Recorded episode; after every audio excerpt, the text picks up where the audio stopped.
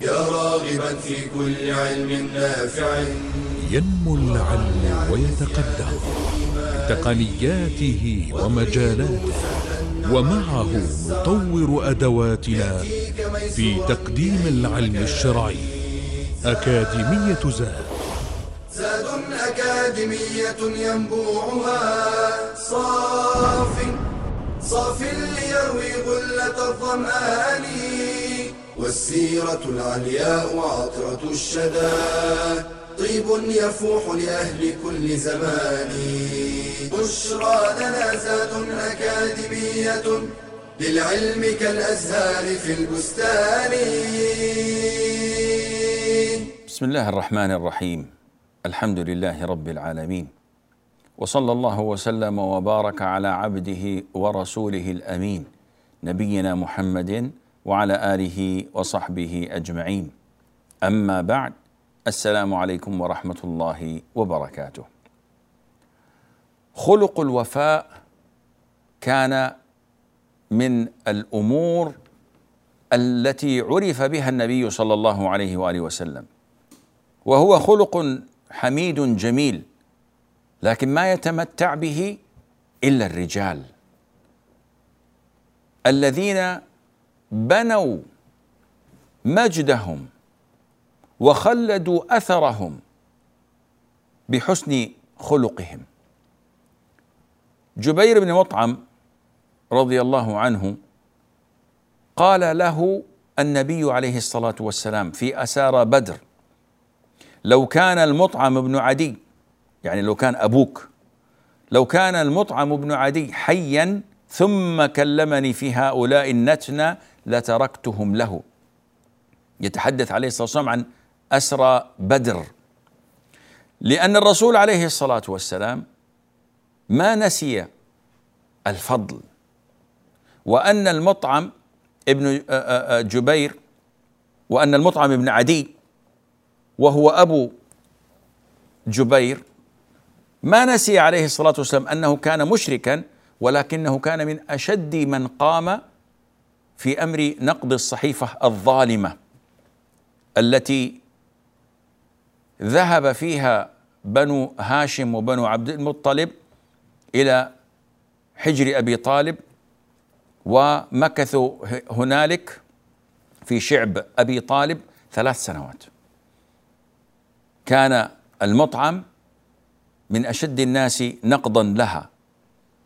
وهو الذي أجار النبي عليه الصلاة والسلام عندما عاد من الطائف ودخل الرسول صلى الله عليه وسلم في جواره فكفت قريش يدها عنه صلى الله عليه وآله وسلم. فتذكر معروفه وفضله ولم ينسه على الرغم من أنه كان مشركا. لكن النبي عليه الصلاة والسلام لا ينسى الفضل لذي الفضل وذلك من وفائه. وإن ذهبنا ننظر إلى وفائه عليه الصلاة والسلام لأقرب الناس إليه. لوجدناه وفيا أشد الوفاء لأمنا خديجة رضي الله عنها وأرضاها. فقد أحبها حبا جما ملك عليه قلبه وفؤاده. لذلك جعلها الله عز وجل بفضله ومنه وكرمه سيدة أهل الجنة سيدة نساء الجنة. وكان عليه الصلاة والسلام من حبه لها يثني عليها ثناء لا يثنيه لم يثنه على أحد من النساء قبلها ولا بعدها.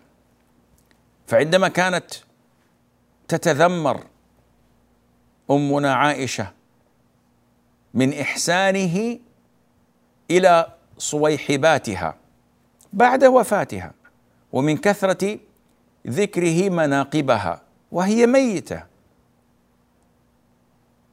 عندما كانت تغار من ذلك وتتذمر كان عليه الصلاة والسلام يقول إنها كانت وكانت وكان لي منها الولد. ونعلم أنها رضي الله عنها وأرضاها أتت للنبي عليه الصلاة والسلام بالقاسم وعبد الله أو الطاهر أو الأمين وببناته الأربع. ولم يرزق من النساء عليه الصلاة والسلام بشيء من الولد إلا بإبراهيم من جاريته ماريا القبطية. فكان عليه الصلاة والسلام يذكر مناقبها ومحاسنها وأفضالها عليه رضي الله عنها وأرضاها. إلى درجة أن أمنا عائشة قالت ما غرت على أحد من نساء النبي عليه الصلاة والسلام ما غرت على خديجة وما رأيتها. النبي عليه الصلاة والسلام ما كان يثني على أحد من نسائه الأحياء أمام الأخرى.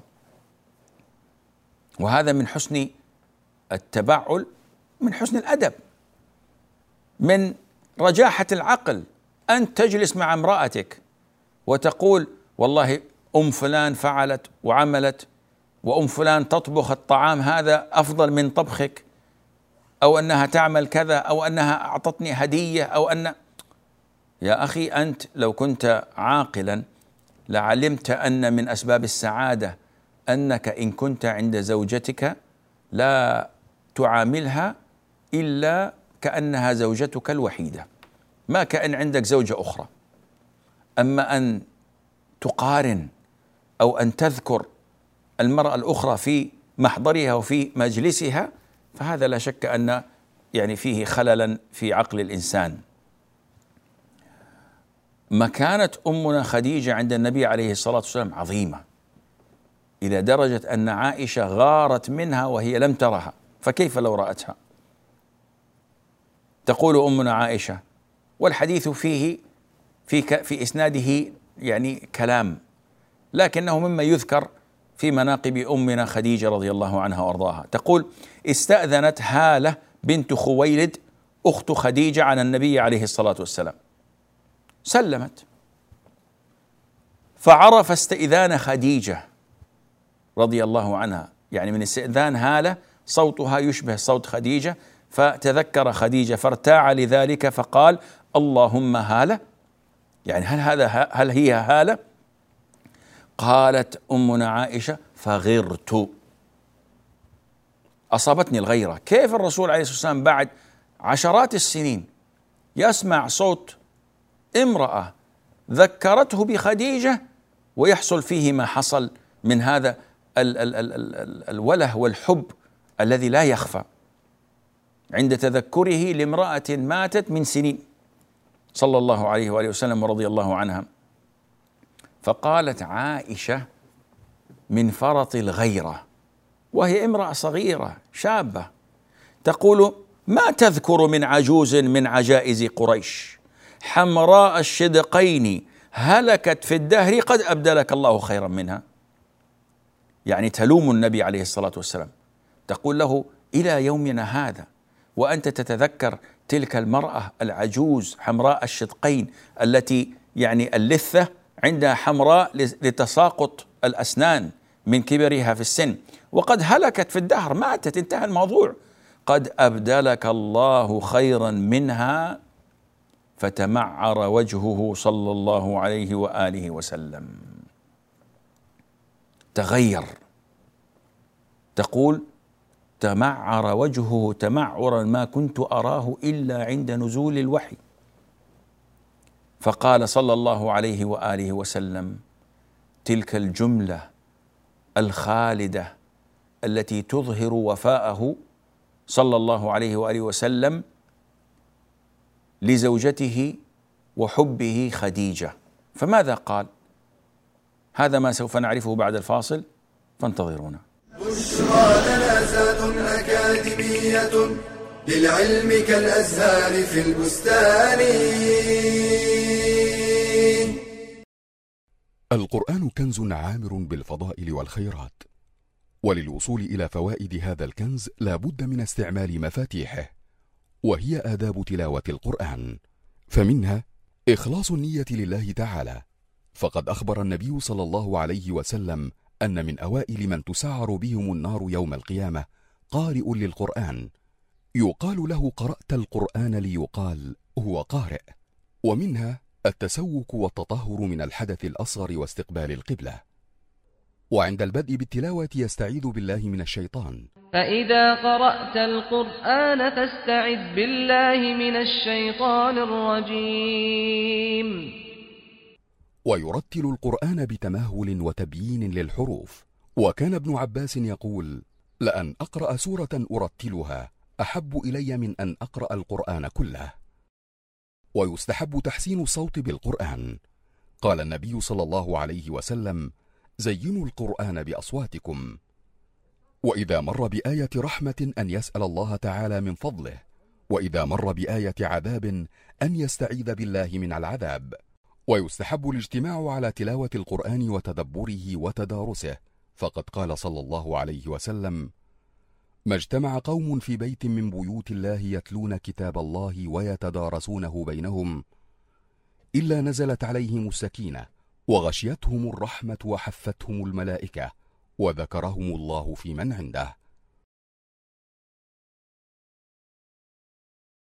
بشرى أكاديمية للعلم كالأزهار في البستان السلام عليكم ورحمة الله. عند ذكر النبي عليه الصلاة والسلام لزوجته خديجة رضي الله عنها وأرضاها وغيرت أمنا عائشة لم تتمالك نفسها ذات يوم فقالت تلك العبارة القاسية التي ما صدرت إلا عن محبة وغيرة. وهذه الغيرة طبيعية في النساء. لا يمكن أن تخلو المرأة منها وإلا كان بها مرضا قالت ما تذكر من عجوز من عجائز قريش؟ حمراء الشدقين هلكت في الدهر قد أبدلك الله خيرا منها. فتمعر وجه النبي عليه الصلاة والسلام تمعرا تقول ما كنت أراه إلا عند نزول الوحي. ونعلم شدة نزول الوحي على النبي صلى الله عليه وآله وسلم. فقال وهو غضبان. مع أنه يحدث من؟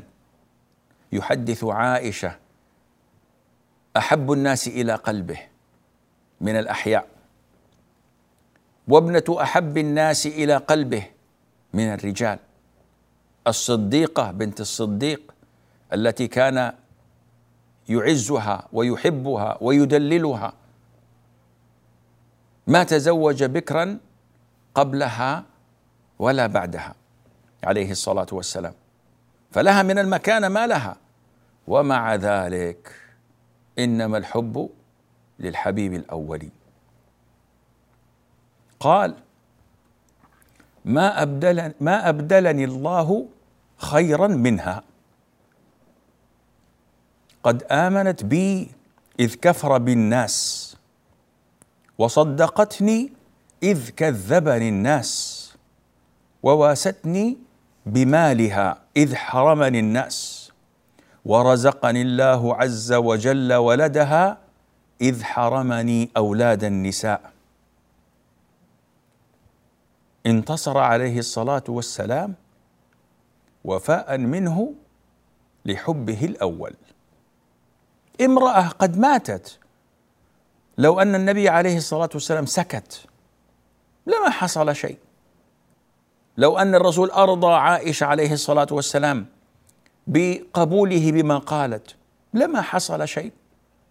لكن ما كان للرسول عليه الصلاة والسلام أن يسكت عما يراه ظلما واضحا صريحا لصاحبة الفضل والوفاء.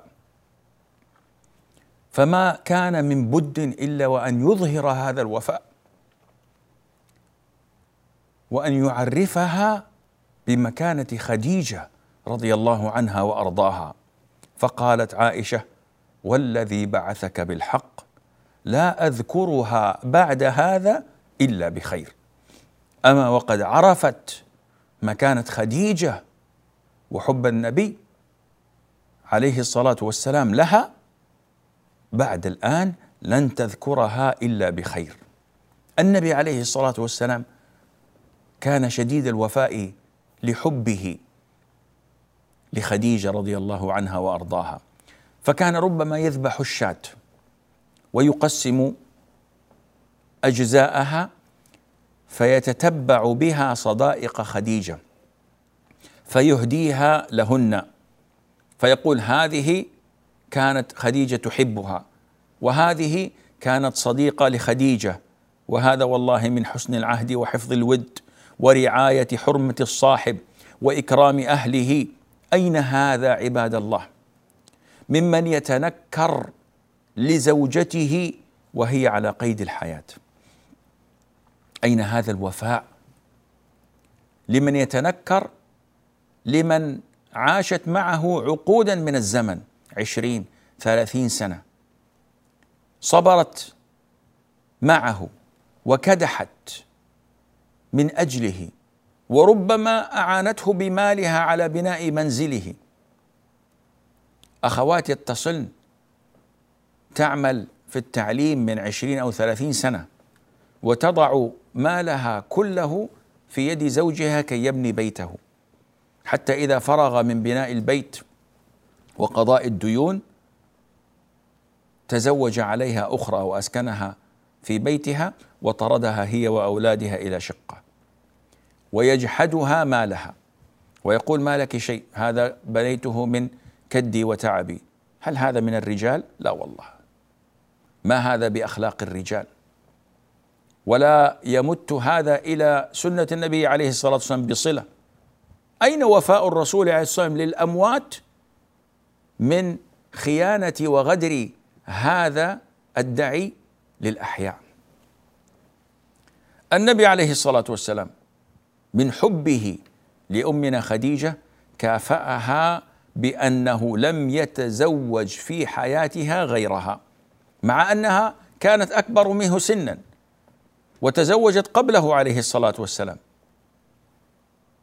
ولكن من حبه ووفائه لها عليه الصلاة والسلام وتقديره لمعاناتها وكدحها معه. قالت أمنا عائشة لم يتزوج النبي صلى الله عليه وآله وسلم على خديجة رضي الله عنها حتى ماتت.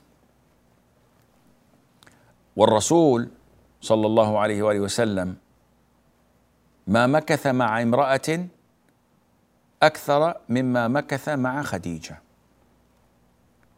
تزوجها وهو ابن خمس وعشرين سنة.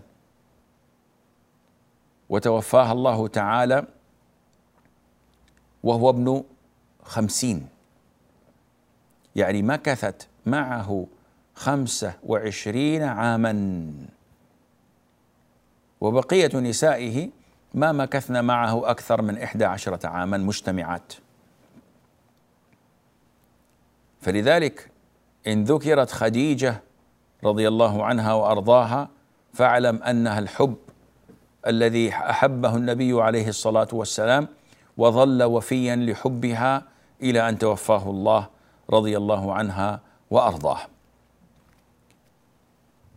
من حسن العشرة أن يصرح الزوج لزوجته بحبه لها. إذا كان في ديننا أن الرجل إذا أحب رجلا في الله فإن من السنة أن يعلمه كما قال عليه الصلاة والسلام إذا أحب أحدكم أخاه فليعلمه. هذه المشاعر التي يكبتها كثير من المسلمين من الرجال خطأ منهم ما يفعلون. وليس نقصا في رجولتهم أن يظهروا مشاعرهم كما يظن البعض. عندما رأى ذلك الأعرابي النبي عليه الصلاة والسلام وهو يقبل أحد أحفاده الحسن أو الحسين. فقال له تفعل هذا؟ إن عندي عشرة من الأولاد ما قبلت أحدهم قط. يعني كما يقال بالعامية فرحان يا أخي هل هذا أمر تحمد عليه؟ قال عليه الصلاة والسلام أو أملك إن نزع الله الرحمة من قلبك؟ هذا أمر خطير. جفاف المشاعر وعدم إظهار الحب هذا أمر ليس من السنة وليس من العقل. كان صلى الله عليه وآله وسلم لا يخفي مشاعره كما جاء في حديث عمرو بن العاص عندما سأل النبي عليه الصلاة والسلام عن أحب الناس إليه قال أبو بكر. في البداية قال عليه الصلاة والسلام أحب الناس إلي عائشة. فقال له عمرو من الرجال أعني. فقال أبوها أبو بكر. فالنبي عليه الصلاة والسلام لم يكن يداري هذه المشاعر بل كان يظهرها. وأمنا عائشة كانت تبادله بمثلها. والله إني لاحبك وأحب قربك. وهو يقول يستأذن ذريني يا عائشة ذريني أتعبد ربي. فاذا إظهار المشاعر فيه إدامة للمحبة والمودة بين الزوجين. فينبغي على الزوج الحصيف العاقل أن يظهر ذلك لزوجته. والآن بفضل الله تعالى وسائل وسائل الاتصال الحديثة الواتساب الرسائل. تستطيع أن تظل على تواصل وإظهار المشاعر كل خمس دقائق. الكلمة الطيبة صدقة. فاصل بعدها نواصل بإذن الله. بشرى لنا أكاديمية للعلم كالأزهار في البستان.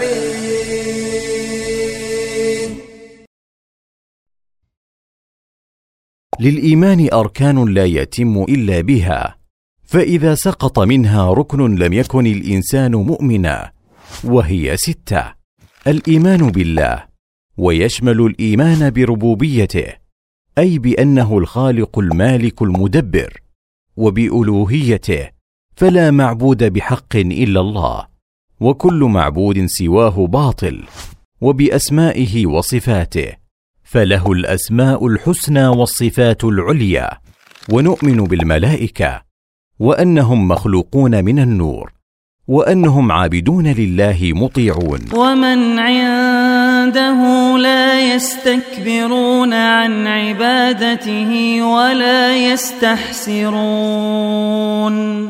يسبحون الليل والنهار لا يفترون. ولهم أعمال كلفوا بها فجبريل موكل بالوحي وميكائيل بالمطر والنبات وإسرافيل بالنفخ في الصور ونؤمن بالكتب. أنزلها الله على رسله حجة على العالمين ومحجة للعاملين. قال تعالى لقد أرسلنا رسلنا بالبينات وأنزلنا معهم الكتاب والميزان ليقوم الناس بالقسط. ومنها التوراة والإنجيل والزبور وصحف إبراهيم وموسى. وأعظمها وخاتمها القرآن العظيم. وأنزلنا إليك الكتاب بالحق مصدقا لما بين يديه من الكتاب ومهيمنا عليه. ونؤمن باليوم الآخر وهو يوم القيامة. ونؤمن بما فيه من البعث والحشر وصحائف الأعمال والميزان. والحساب والصراط والحوض والشفاعة والجنة والنار. ونؤمن بالقدر خيره وشره وهو تقدير الله تعالى للكائنات. حسب ما سبق به علمه واقتضته حكمته وله أربع مراتب العلم والكتابة والمشيئة والخلق. فثبت إيمانك بالعلم والعمل واحذر من شبهات المشككين. ربنا آمنا بما أنزلت واتبعنا الرسول فاكتبنا مع الشاهدين.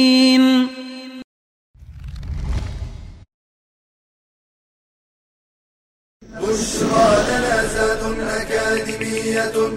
للعلم كالأزهار في البستان. السلام عليكم ورحمة الله.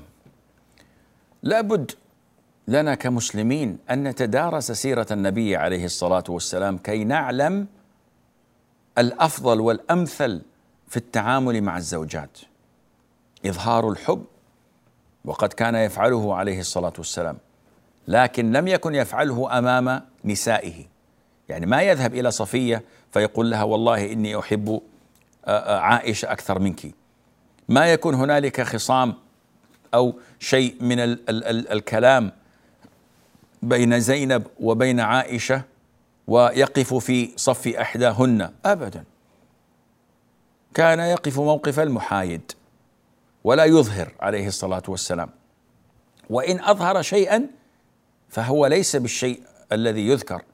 كما حدث في الحديث الصحيح أن زينب أتت إلى الرسول عليه السلام ووقعت في عائشة وعائشة لا ترد عليها والرسول ساكت.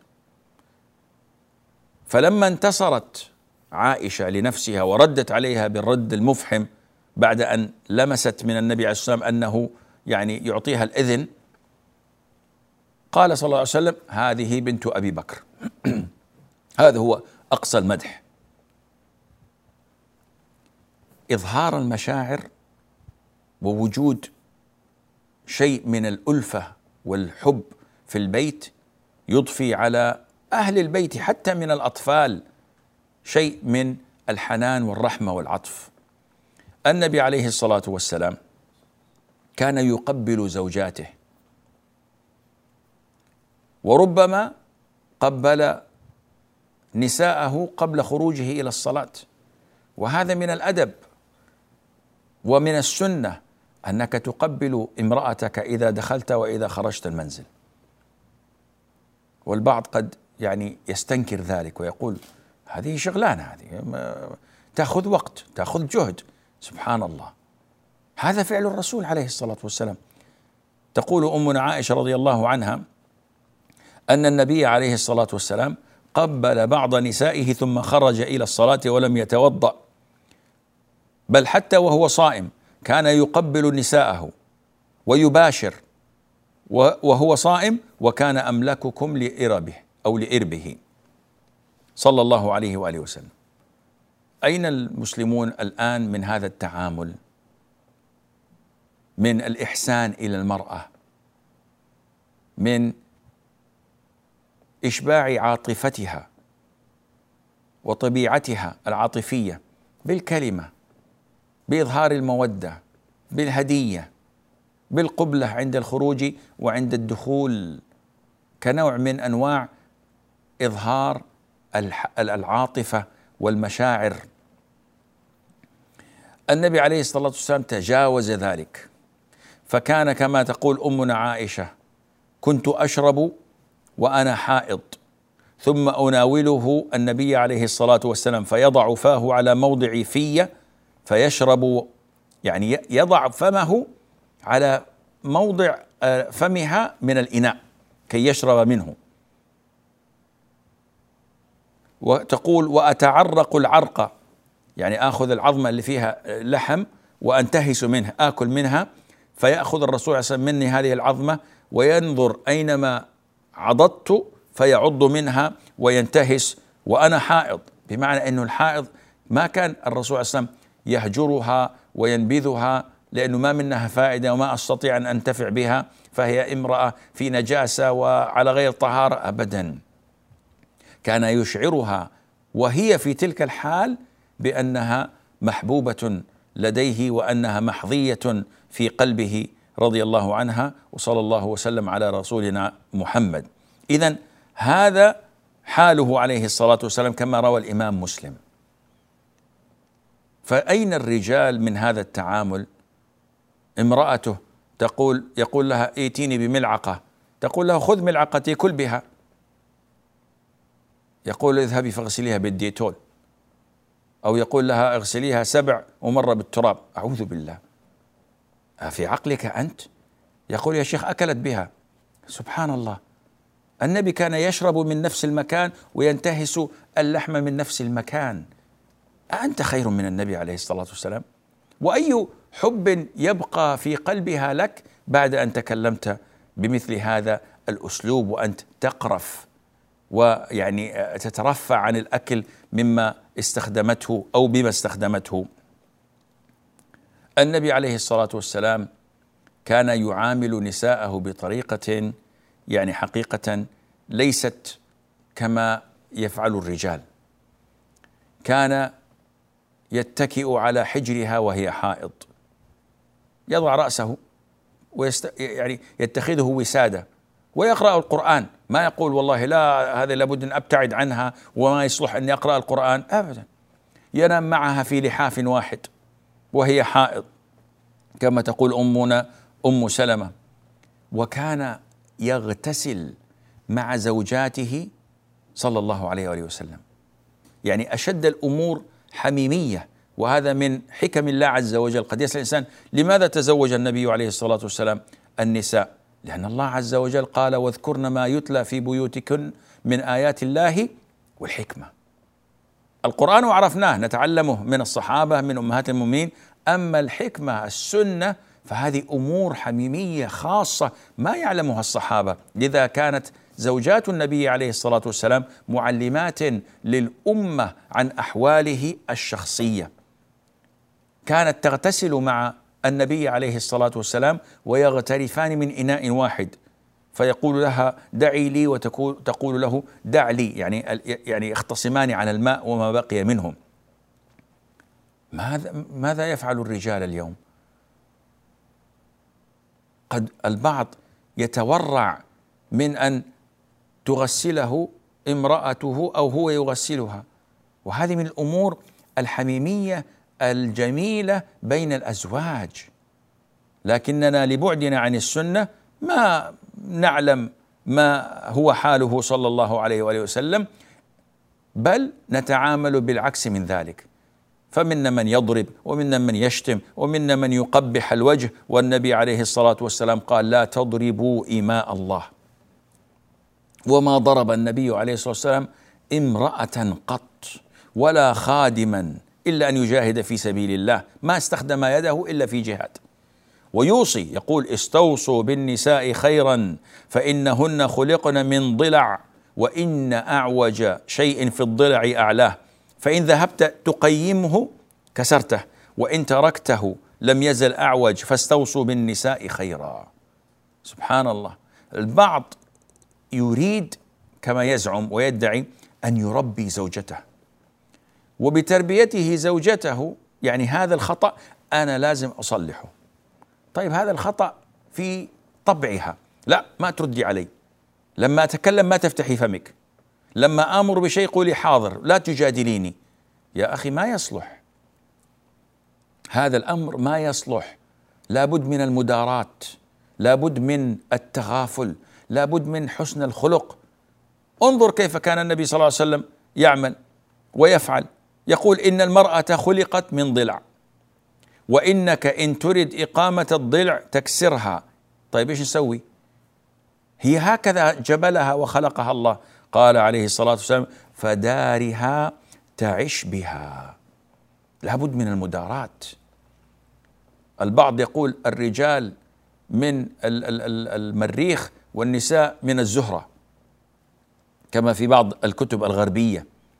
تفكير الرجال يختلف عن تفكير النساء. فأنت ما تستطيع أن تجعل امرأتك كالرجال وأنت لا تستطيع أن تفكر كالنساء. الرجال بطبعهم ما يحب أن يتحدثوا عن العمل أو عن أشيائهم الشخصية أو عن أسرارهم أو عن مكنونات صدورهم. بينما النساء يعني يعني يريدن ذلك ويحببنه. فلا بد أن يتنازل الرجل شيئا ويستمع ويشارك امرأته ولا بد من المرأة أن يعني آه، تتنازل قليلا فلا تفتح قلبها بالكامل وتضيع الأوقات يعني تراعي أحوال زوجها وعملها. ولو أفلح الزوجين لو أفلح الزوجان في معرفة التعامل والتفاهم والتواصل سويا لافلحوا ولنجح كثير من البيوت في جعل المودة والرحمة بينهم. النبي صلى الله عليه وسلم يقول لا يفرك مؤمن مؤمنة. إن كره منها خلقا رضي منها آخر. لا يبغض مؤمن في مؤمنة خلقا. يعني المرأة فيها من الاشياء ومن النقص الشيء الكثير. كما أن في الرجل من النقص والأشياء السيئة الشيء الكثير. لكن العاقل هو الذي ينظر إلى نصف الممتلئ من الكوب. عوضا عن أن يصفه بقوله نصفه فارغ. والكوب ذاته. أن تنظر إلى الكوب إن كنت متفائلا وعاقلا تقول نصفه مليء. وإن كنت متشائما تقول نصفه فارغ. فانظر إلى زوجتك بهذا الأسلوب النبوي وانظر إلى محاسنها تغفل بإذن الله عز وجل عن مساوئها إن وجدت. هذا والله أعلم ونسبة العلم إليه أسلم. وصلى الله وسلم وبارك على عبده ورسوله نبينا محمد. يا راغبا في كل علم نافع متطلعا لزيادة الإيمان. وتريد سهلا النوال ميسرا يأتيك ميسورا بأي مكان.